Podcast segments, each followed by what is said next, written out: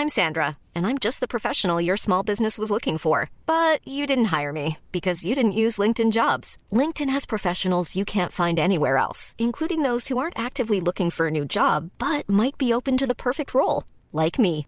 In a given month, over 70% of LinkedIn users don't visit other leading job sites. So if you're not looking on LinkedIn, you'll miss out on great candidates like Sandra. Start hiring professionals like a professional. Post your free job on linkedin.com/people today.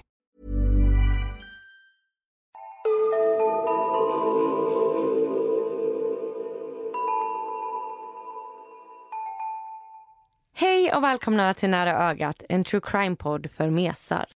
Mitt namn är Alexandra Kensdottir. Och jag heter Amelia Ingman.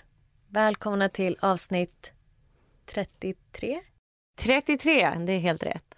Det är nog sjukt att vi har gjort 33 avsnitt, plus några miniavsnitt. Ja, det är väl snart ett år vi började. Ja! Det var någon gång i oktober vi började. Men snart är det dags att fira våran ettårsdag. Absolut! Hur tycker ni vi ska fira? In och kommentera på Instagram. Och där heter vi Nära ögat podd. Och vi har samma namn på Facebook för er som vill hitta oss där. Ja, behöver vi säga något mer? Nej, jag tycker vi kör igång direkt. Vill du börja? Absolut. Idag ska jag berätta en historia från andra världskriget. Nämligen om norrmannen Jan Balsrud. Och detta var ett tips från eh, min kompis Karro. Och som vanligt när jag tar upp något från andra världskriget så kommer jag inte gå in på så mycket information om själva kriget utan mer fokusera på Jans egna historia.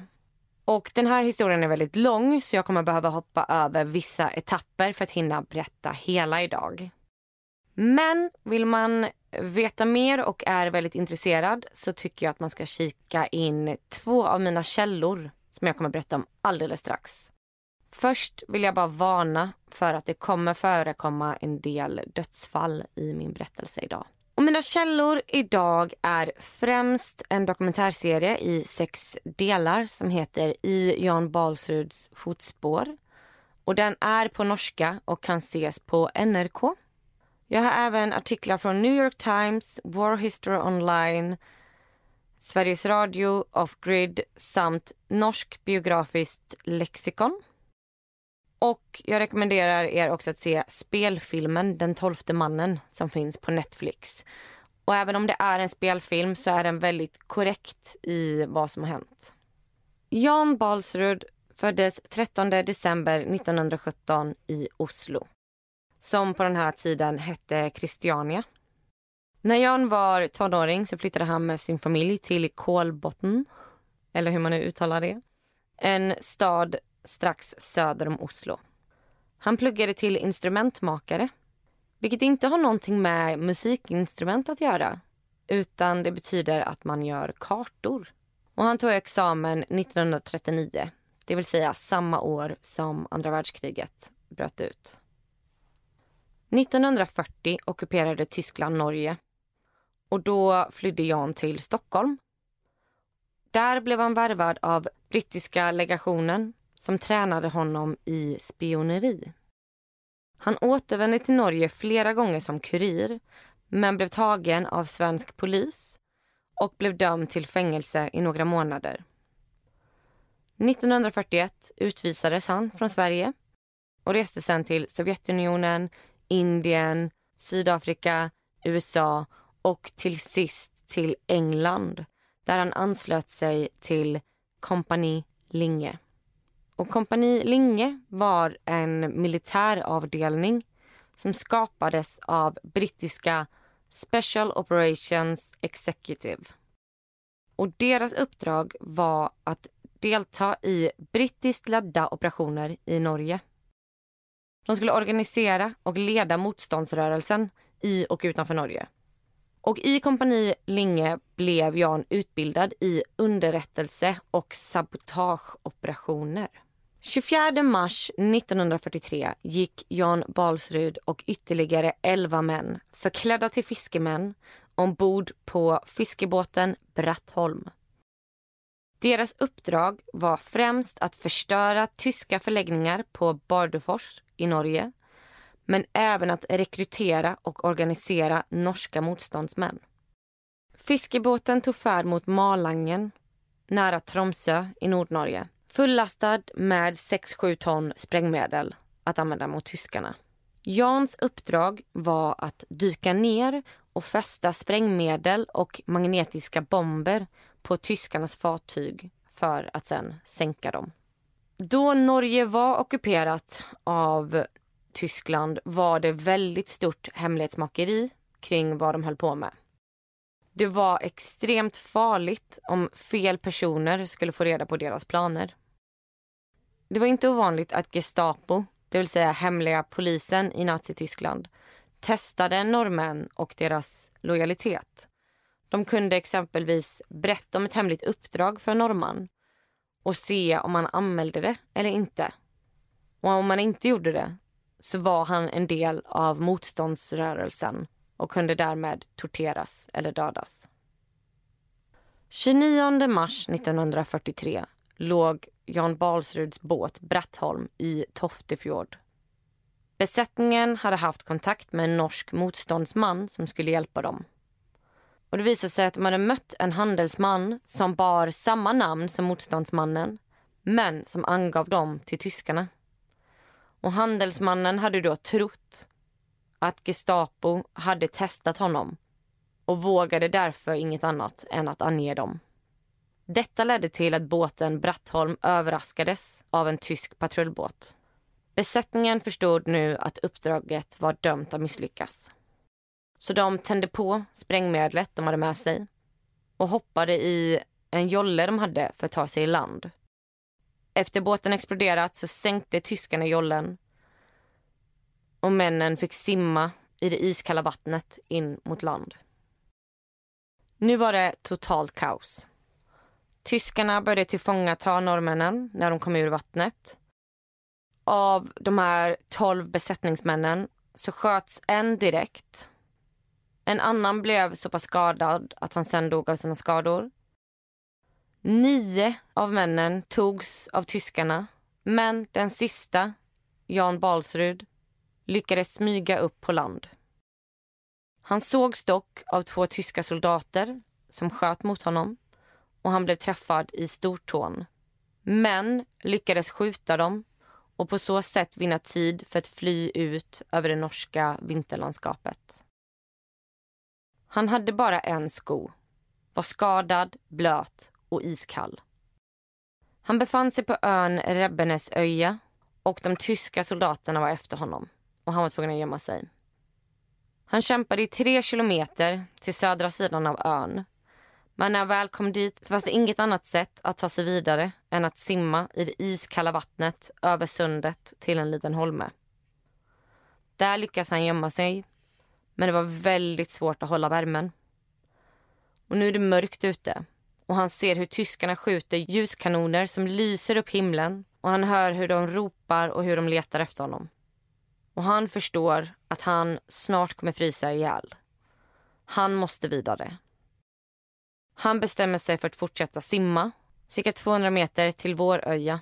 Problemet är att vattnet är minusgrader vilket tydligen saltvatten kan bli på vintern utan att det fryser till is. Men Jan hade inget val. Tyskarna närmar sig och kylan är outhärdlig. Så han går ner i det iskalla vattnet och lyckas mot alla odds ta sig hela vägen till andra sidan sundet. Och man tror att det kanske var hans träning för att fästa undervattensbomber som hade förberett honom inför den här extrema kylan. Vad den var så gjorde det i alla fall att han överlevde. Väl på Våröja ser Jan två unga flickor i en båt. Han ber dem om hjälp och flickorna ror hem med Jan i båten. Mamman till flickorna, Anna Pedersen, var den enda som var hemma då männen i familjen var ute och fiskade. Hon visste att hon riskerade tortyr och död om någon fick reda på att hon hade hjälpt honom. Men ändå valde hon att ta in Jan över natten. Så han fick värma sig och torka sina kläder. Och här fick han också en till sko så han skulle slippa vara barfota på den ena foten. Jan inser nu att hans enda räddning är att ta sig över till Sverige för där kan tyskarna inte ta honom. Men han är fortfarande på en ö och det är flera mil till fastlandet. Och väl på fastlandet så har tyskarna full kontroll av alla vägar. Men han påbörjar i alla fall sin resa. Annas son ror över Jan till Ringvassöja som är en större ö närmare fastlandet. Han behöver korsa den och räknar med att det är ungefär en dags vandring på cirka 40 kilometer. Men han har bara sett en odetaljerad karta som inte visar hur svår vägen är. Terrängen är extremt svår och det tar mycket längre tid än väntat. Han får hjälp av en familj och får sova i en lada för att komma undan snön och kylan. Och varje gång Jan får hjälp så ser han till att aldrig någonsin berätta vart han varit eller vart han ska. För att han vill inte riskera att någon råkar berätta det för tyskarna och därmed också avslöjar vem eller vilka som har hjälpt honom tidigare. Gestapo är honom hack i häl och gör hela tiden stora sökningar runt om i området. Ryktet sprider sig och fler och fler norrmän får reda på att Jan Balsrud har överlevt attacken på Brattholm. Och under sin resa får han hjälp av många familjer som alla vet att de riskerar sina egna liv för att hjälpa den här mannen. I en familj som han får vara hos i två timmar får han reda på vad som hänt hans kompanjoner på båten. Som jag berättade tidigare så dog en direkt när han blev fångad av tyskarna. En andra dog ju av sina skador. Sen så blev en tredje man torterad till döds. Och resterande åtta togs till Gestapos högkvarter i Tromsö där de förhördes, torterades och till slut avrättades. Och det här var extremt traumatiskt såklart för Jan att få höra. Men han var tvungen att fortsätta kämpa och nu så kämpar han även för deras skull. Jan lyckas ta sig vidare och han tar sig till Einar Sörensen som hjälpt andra personer till Sverige. Och han har koll på hur svårt och farligt det är att försöka ta sig över Grötsundet till fastlandet. Einars pappa Bernhard är 76 år gammal och även han hjälper till. De tar hand om Jan, de ger honom varma kläder och de ger honom ett par skidor. Einar och Bernhard gömmer Jan under ett fiskenät i en liten eka och ror åtta kilometer klockan två på natten över Grötsundet. Det är kallt och rått och de får vid flera tillfällen gömma sig för vaktande tyska patrullbåtar. Men tack vare att det är så pass dåligt väder som det är och därmed dålig sikt så lyckas de hålla sig gömda. Och runt halv fyra på morgonen är de framme vid fastlandet och kan äntligen släppa av Jan. Väl i land tar han på sig sina skidor och hoppas nu att kunna ta sig de hundra kilometer som är kvar till Sverige på bara några dagar. Men nu har det gått två dygn utan att han har sovit. Så innan han sätter igång med sin långa resa så söker han sig till ett hus där han försöker ta skydd. Men mannen som äger huset får syn på Jan. Mannen heter Alfred och han är väldigt misstänksam. Men han väljer att ta in Jan i huset och låter honom sova där. Och på morgonen så pratas de vid.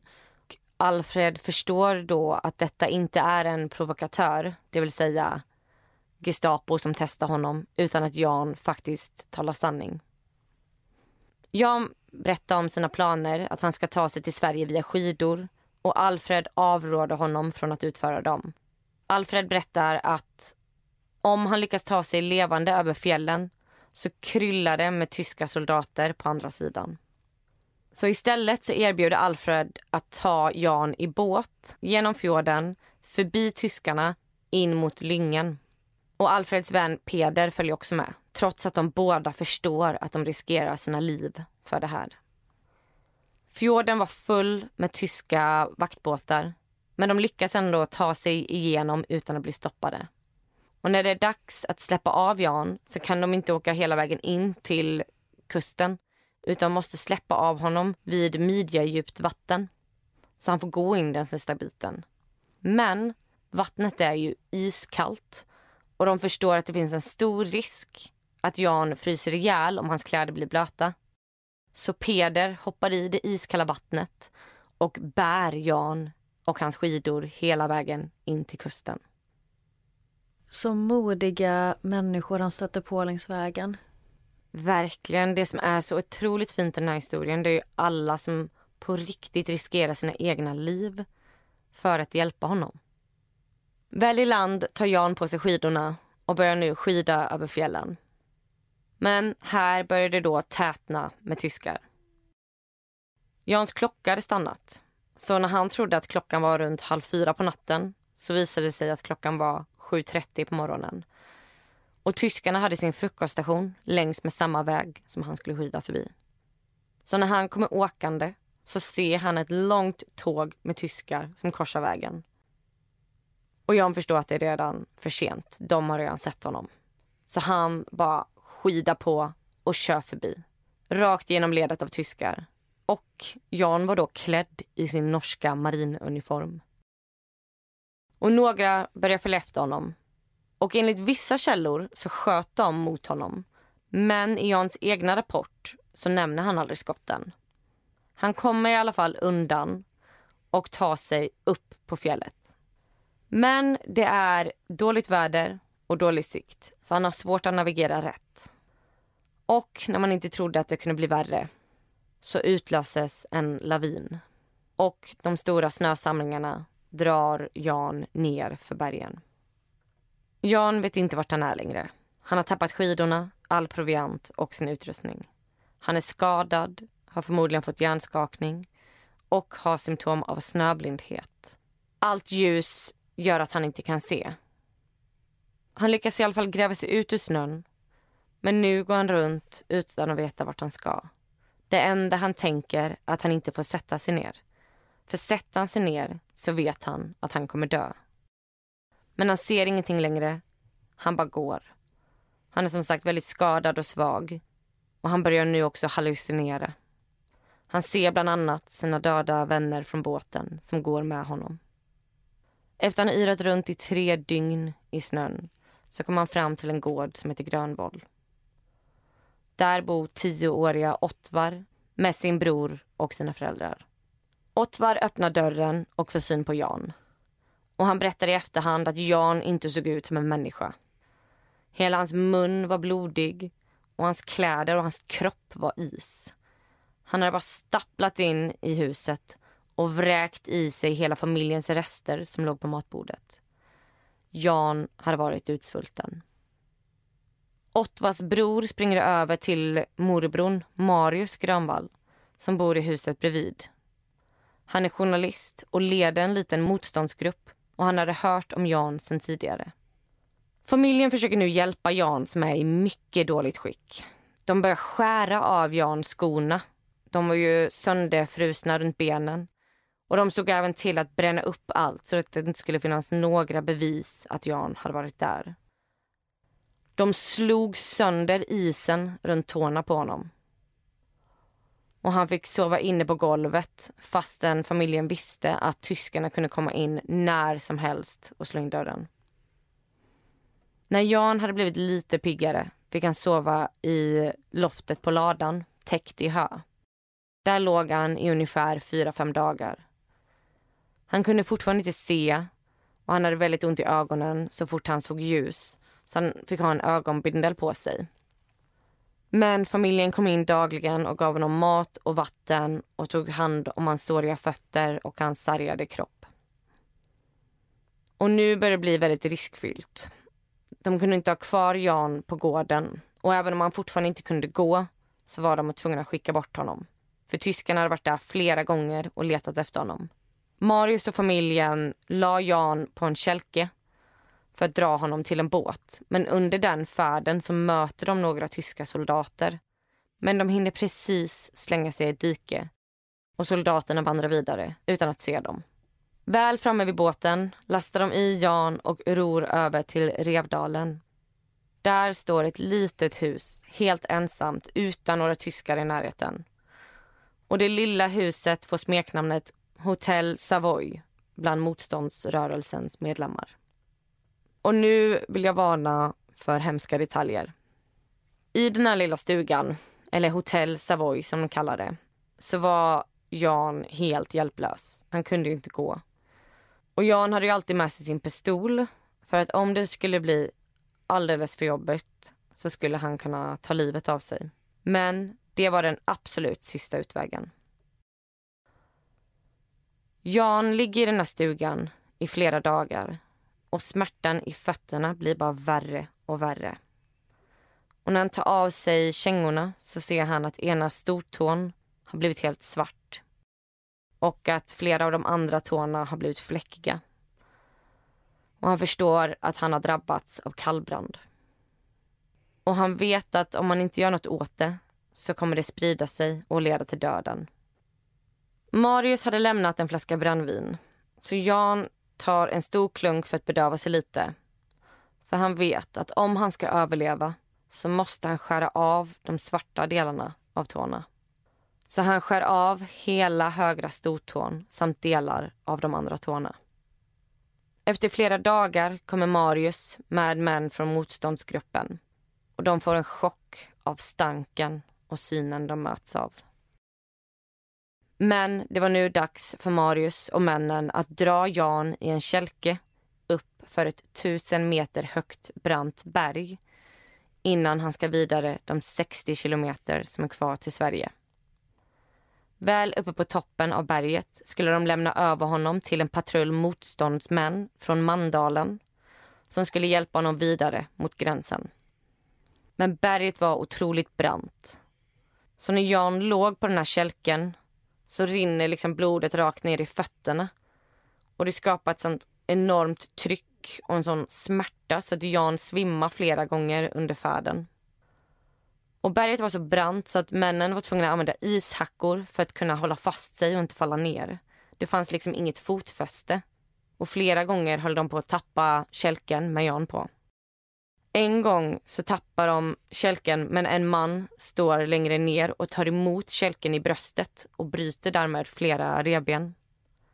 Men efter mycket om och men så lyckas de kämpa sig hela vägen upp för det branta berget. Och till deras besvikelse är inte patrullen från Mandalen där än. Det visade sig att tyskarna hade tagit sig till Mandalen och att ingen fick lämna byn. Och det visste inte Marius och männen på berget. Så de byggde en snöhydda vid en stor sten där de lämnade Jan. Och det fanns inte mycket proviant. Men de lämnade honom där och hoppades att patrullen från Mandalen skulle komma så snart som möjligt. Efter fyra dagar får Marius reda på att patrullen från Mandalen fortfarande inte varit där. Så Marius tar med en vän och vandrar upp för berget direkt. De var säkra på att de skulle hitta ett lik.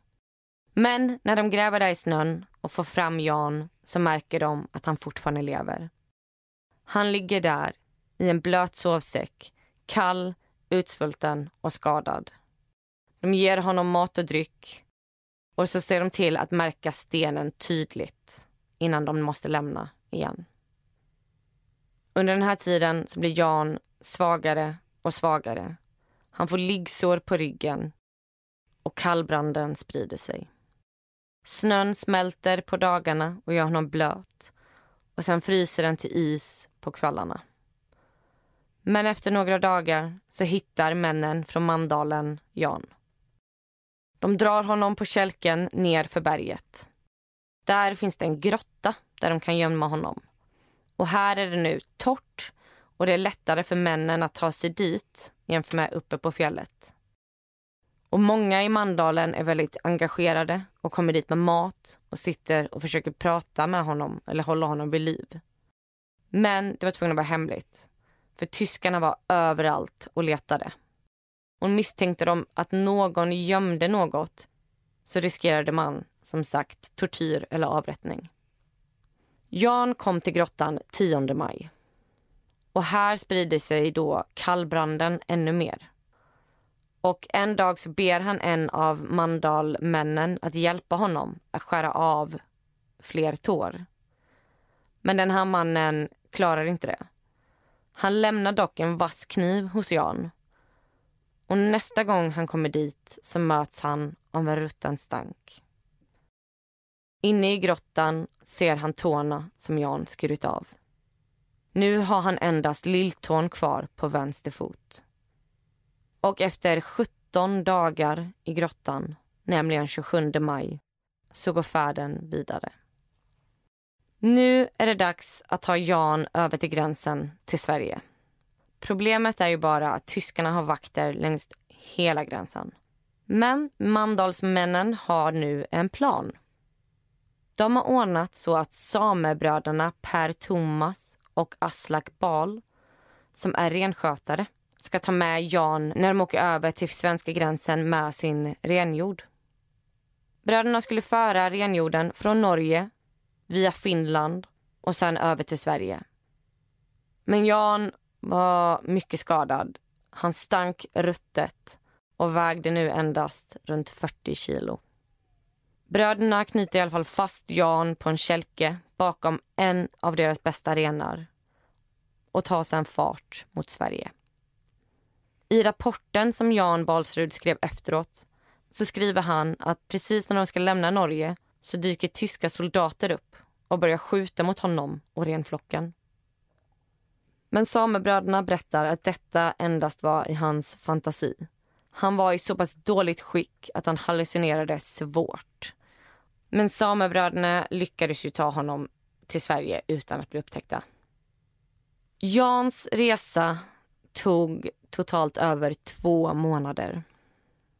Men nu var han i trygghet. I Sverige kunde tyskarna inte ta honom. Han togs till sjukhus och där skrev han ner alla sina upplevelser. Han skrev även upp alla som hjälpt honom för att senare kunna åka tillbaka och tacka alla.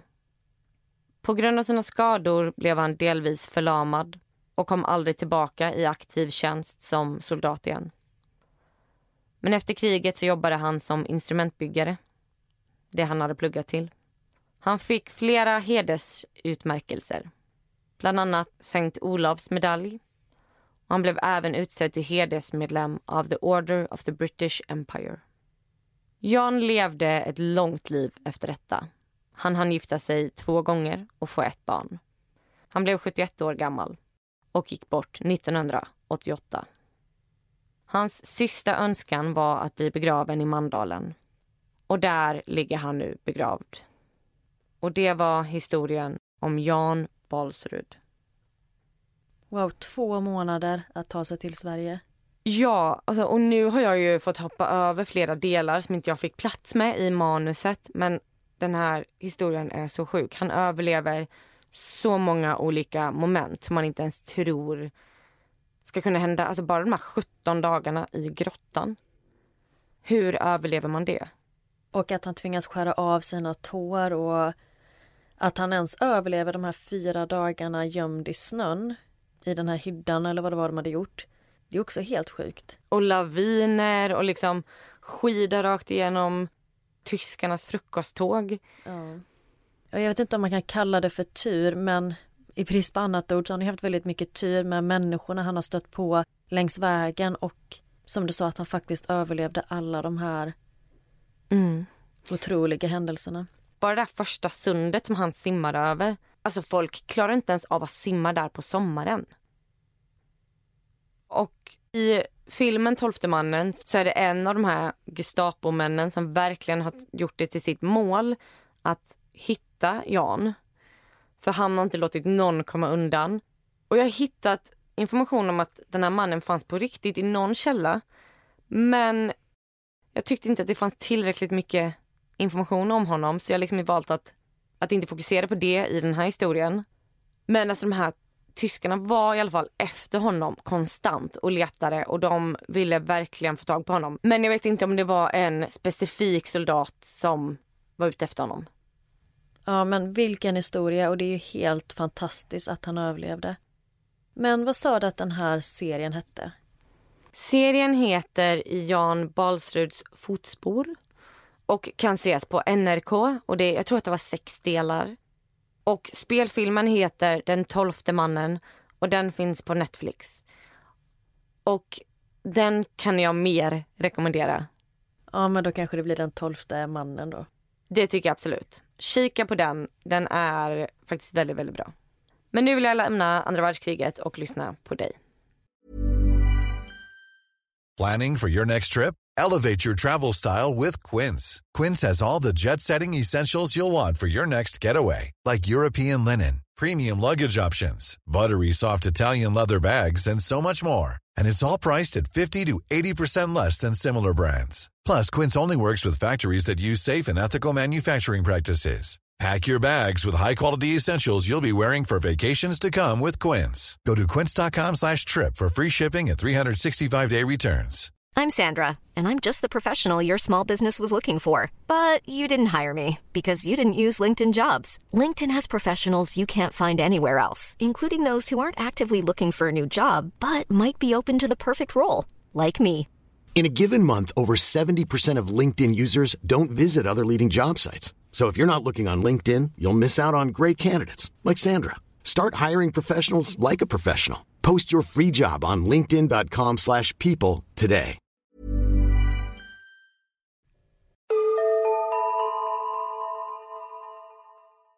Idag ska jag berätta om Kumetini och Kandasamy Kanan. Och jag vill flagga för att uttalen kanske inte är helt korrekta. Jag kan flagga för att mina uttal på det norska kanske inte heller var rätt, men ja, ditt låter ju svårare. Mina källor är ett avsnitt av A Current Affair, nyhetsinslag av 10 News First, 9 News Australia och artiklar av ABC och The Age. Kumetini och Kandasamy Kanan är ett gift par som bor i Mount Waverly, en förort till Melbourne i Australien. De har tre barn tillsammans och alla barnen har speciella behov. Kandasamy, mannen, jobbar inom IT-branschen och Kumetini är hemmafru. I juli 2007 åker familjen på semester till Indien. Och när de åker tillbaka hem till Australien igen så har de med sig en hushållerska som ska jobba för dem och bo hemma hos dem. Familjen Kanan träffade hushållerskan första gången 2004, alltså tre år tidigare. Hon ska ha jobbat åt dem två gånger innan hon nu flyttar hem till dem i Melbourne på heltid 2007. Hushållerskans familj i Indien har varit med och förhandlat om det här arrangemanget och de var alla överens om att det här var en jättebra möjlighet för kvinnan att tjäna pengar. Hushållerskan är i 50-årsåldern och hon flyttar in hos familjen Kanan och hon reser in i Australien med ett turistvisum. Planen är att hon ska sköta alla hushållssysslor. Hon ska städa, diska, laga mat och ta hand om parets tre autistiska barn.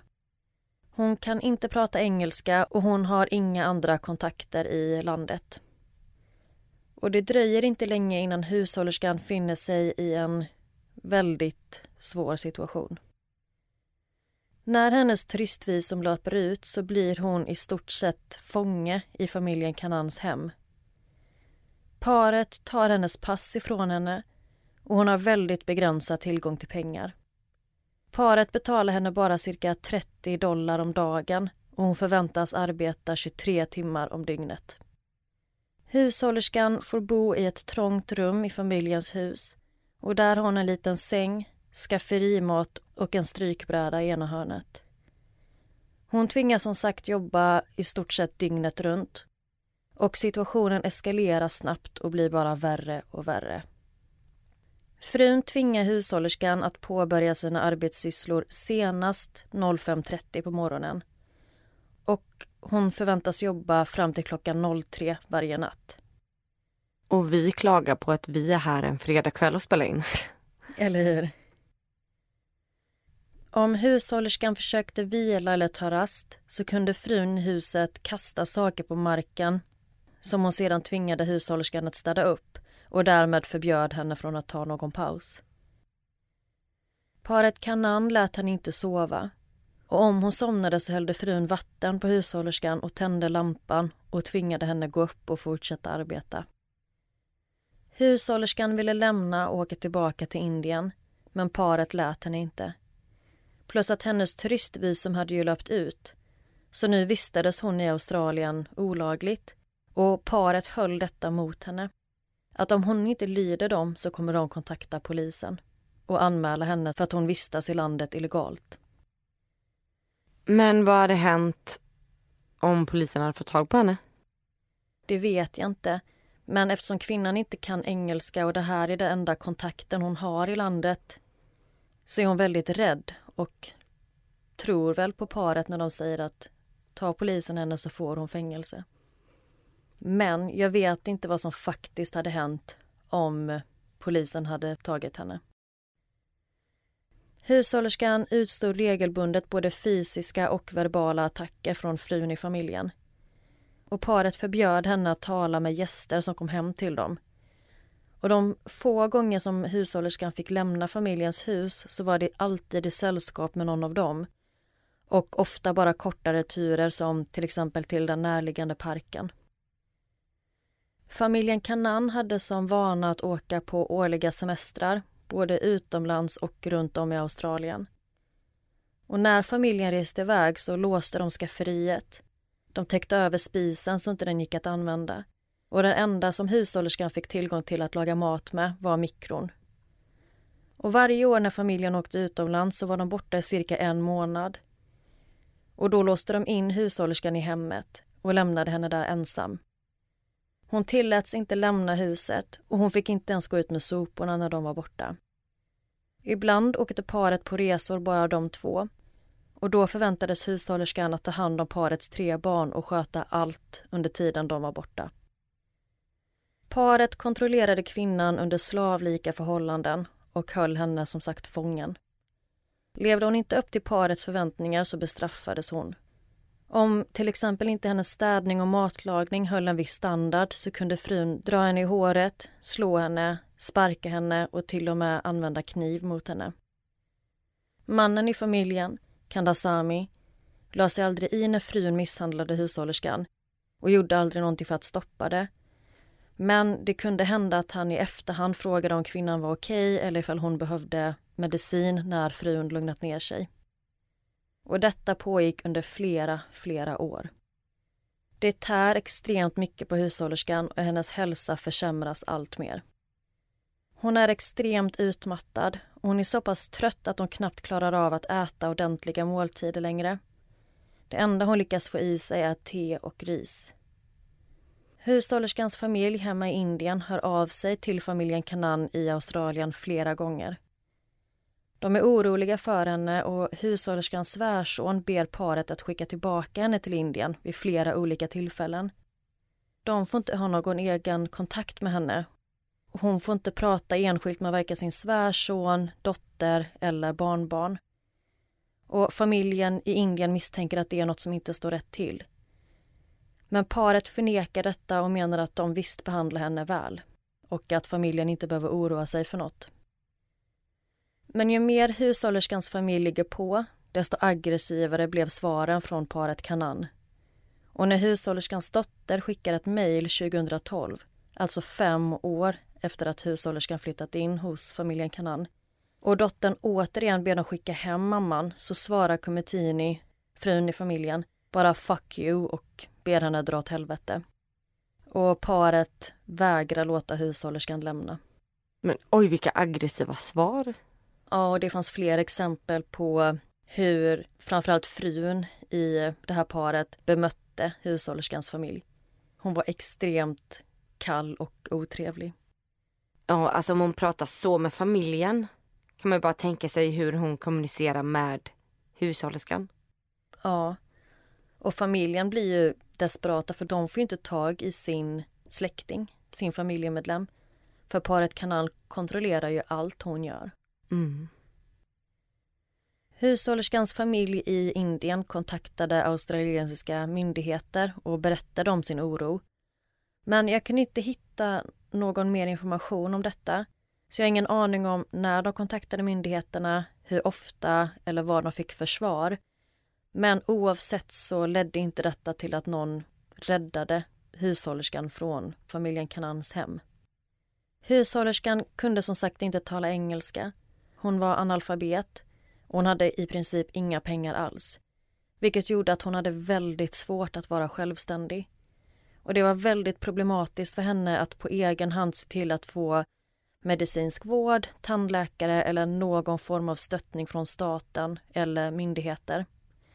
Och även om hon hade kunnat så lät paret henne inte utan de höll ju som sagt henne som fånge. Den 30 juli 2015, när hushållerskan är 61 år gammal, så kollapsar hon i familjen Kanans hem. Och trots att frun ser detta så väljer hon att åka på en pianouppvisning. Och när hon kommer hem igen fyra timmar senare så ligger kvinnan fortfarande avsvimmad på badrumsgolvet. Hon ligger i en pöl av sitt eget urin. Hon väger endast 40 kilo och en tempen på 28 grader. 28 grader? Ja. Hennes hälsa hade gradvis försämrats och nu var den katastrofalt dålig. Men 28 grader, det är ingenting. Nej. Hon var helt avmagrad och hade förlorat flera tänder. Hushållerskan hade även utvecklat diabetes som gått obehandlad under tiden som hon spenderat i familjen Kanans hem, vilket nu var åtta år. Kumetini och Kandasami Kanan får panik och ringer efter en ambulans. Hushållerskan förs akut till sjukhuset där läkare konstaterade att hon även är blodförgiftad. Hon hamnar på intensivvårdsavdelningen och där var det många som reagerade på hennes tillstånd och uttryckte oro över kvinnans levnadssituation. De hade en tolk på plats för att kunna kommunicera med kvinnan och till en början så ljög hon om hur länge hon vistats i landet för hon var ju som sagt orolig för att hennes turistvisum hade löpt ut och hon var rädd för att hamna i fängelse. Och hon berättade inte heller om vad hon utsatts för. När kvinnan befann sig på sjukhuset så kontaktade hennes familj i Indien återigen australiensiska myndigheter som i sin tur kontaktar paret Kanan. Men familjen i Indien vet inte om vad som har hänt och de vet inte om att deras släkting är på sjukhuset. Och när polisen förhör paret Kanan så påstår de att de inte sett till sin hushållerska på flera år. Och det ska sedan visa sig att de skrivit in hushållerskan under falskt namn på sjukhuset så polisen kunde först inte lokalisera henne. Men hon vågar till slut berätta vem hon är för sjukhuspersonalen och på så sätt så kom hon till sist i kontakt med polisen. Kriminalinspektör Jane Crossling leder ett team som hanterar mänsklig exploatering och hon inleder en utredning kring det här fallet. De hanterar fall och utredningar över hela landet men hon berättar att det här fallet stack verkligen ut och de hade aldrig sett något liknande. I timlånga intervjuer med hushållerskan tillsammans med en tolk så får de fram fruktansvärda detaljer om vad som pågått under alla de här åren i paret Kanans fångenskap. De lät henne knappt duscha på grund av att det var ett slöseri med vatten. Hon tvingades som sagt jobba dygnet runt. Hon torterades och misshandlades och de slog henne med hårda föremål i huvudet. De kastade hett te på henne och de hällde kokande vatten över hennes ben. När kvinnan kom in till sjukhuset så var hon smutsig och led av hypotermi. Paret Kanan förnekar anklagelserna och de tycker att hennes påhittade vittnesmål inte är relevant att presentera för en jury i en potentiell rättegång. Och de menar att hon är en del av deras familj. Men detta var inget som polisen trodde på överhuvudtaget och de menar att så här behandlar man inte en annan människa, speciellt inte någon som man anser vara ens familj. Polisutredningen fortsätter och under tiden har media fått nys om det här fallet. Reportrar väntar nu utanför familjen Kanans hem och försöker få kommentarer från paret. Men de vägrar prata med reportrarna. Och det finns massa klipp där journalisterna skriker sina frågor mot mannen i paret och de jagar efter honom när han går mot sitt hem. Och de frågar om han har några kommentarer till kvinnan han hållit fången, vad för typ av människa kan göra så här mot en annan person, hur han kunnat hålla henne som slav, vad sätter du för exempel för dina barn och finns det någon mänsklighet kvar inom dig? Vill du inte säga förlåt? Men han bara total ignorerar alla frågor och smäller igen dörren efter sig. I ett annat klipp så ser man Kumetini, frun, när hon går längs med trottoaren arm i arm med vad jag tror är en av hennes advokater. Och de är omringade av reportrar som försöker få fram svar och man kan se hur en kameraman går baklänges framför henne, snubblar på marken. Och han slår sig så pass illa så att han är tvungen att uppsöka läkarvård. Men när det här händer så ser man att Kumutini knappt kan hålla sig för skratt. Hon kan inte sluta fnittra över att den här mannen slagit sig. Och sen försöker hon även knuffa in en annan reporter in i en pelare när han frågar om hon är orolig inför rättegången i och med att hon riskerar ett väldigt långt fängelsestraff. När rättegången mot paret Kanan inleds så är det den första av sitt slag i Australien. De åtalas för att ha innehaft en slav, utövat befogenheter över en slav och hyst en olaglig eh, icke-medborgare. Kumetini och Kandasamy Kanan vill båda få straffrabatt på grund av den negativa publicitet som de utsatts för inför rättegången. Kumetini Kanans karaktärsvittnen beskriver henne som omtänksam, religiös och omhändertagande. Men när det är dags för hushållerskans åklagare att presentera bevisen så stämmer det inte alls överens med den bilden som vittnena gav. Hon hällde kokande vatten, högg, skar och misshandlade hushållerskan. Och åklagaren menar att paret sakta höll på att svälta ihjäl kvinnan. Åklagaren menar även att paret utövade en sådan grav kontroll över kvinnans grundläggande rättigheter och frihet att det utgör ett tillstånd av slaveri. Men paret Kanan vidhöll fortfarande att kvinnan var en familjemedlem och de visade ingen ånger alls över hur de har behandlat henne. Åklagaren säger till juryn att det var glasklart att paret i huvudsak ville importera en beprövad barnvårdare och hushållare i vetskap om att de kunde betala henne nästan ingenting så att de skulle kunna fortsätta leva i och underhålla ett stort hem, att de skulle kunna bibehålla en viss livsstil och också fortsätta ha råd med regelbundna resor både utomlands och inom landet. Parets advokater menade däremot att hushållerskans anklagelser var fulla av inkonsekvenser, osannolikheter och lögner. Och de sa till juryn att hushållerskans bevis inte gick att lita på bortom rimligt tvivel. Och fruns advokat Gideon Bowes, hävdade att det inte fanns tillräckligt med bevis för juryn att döma hans klient eftersom hon stod inte inför rätta för att vara en jobbig, oförskämd, omoralisk eller skrikande person. Det var inte det hon åtalades för. Mannens advokat sa att hushållerskan aldrig klagat över hur han behandlat henne utan att han hade varit mild och respektfull mot kvinnan. Han beskriver sin klient som ödmjuk och snäll och som en ganska liten och patetisk figur i hemmet. Och detta går inte alls ihop med de här påståendena om att han skulle vara en slavdrivare. Men det fanns över 30 timmars inspelat bevismaterial med hushållerskan.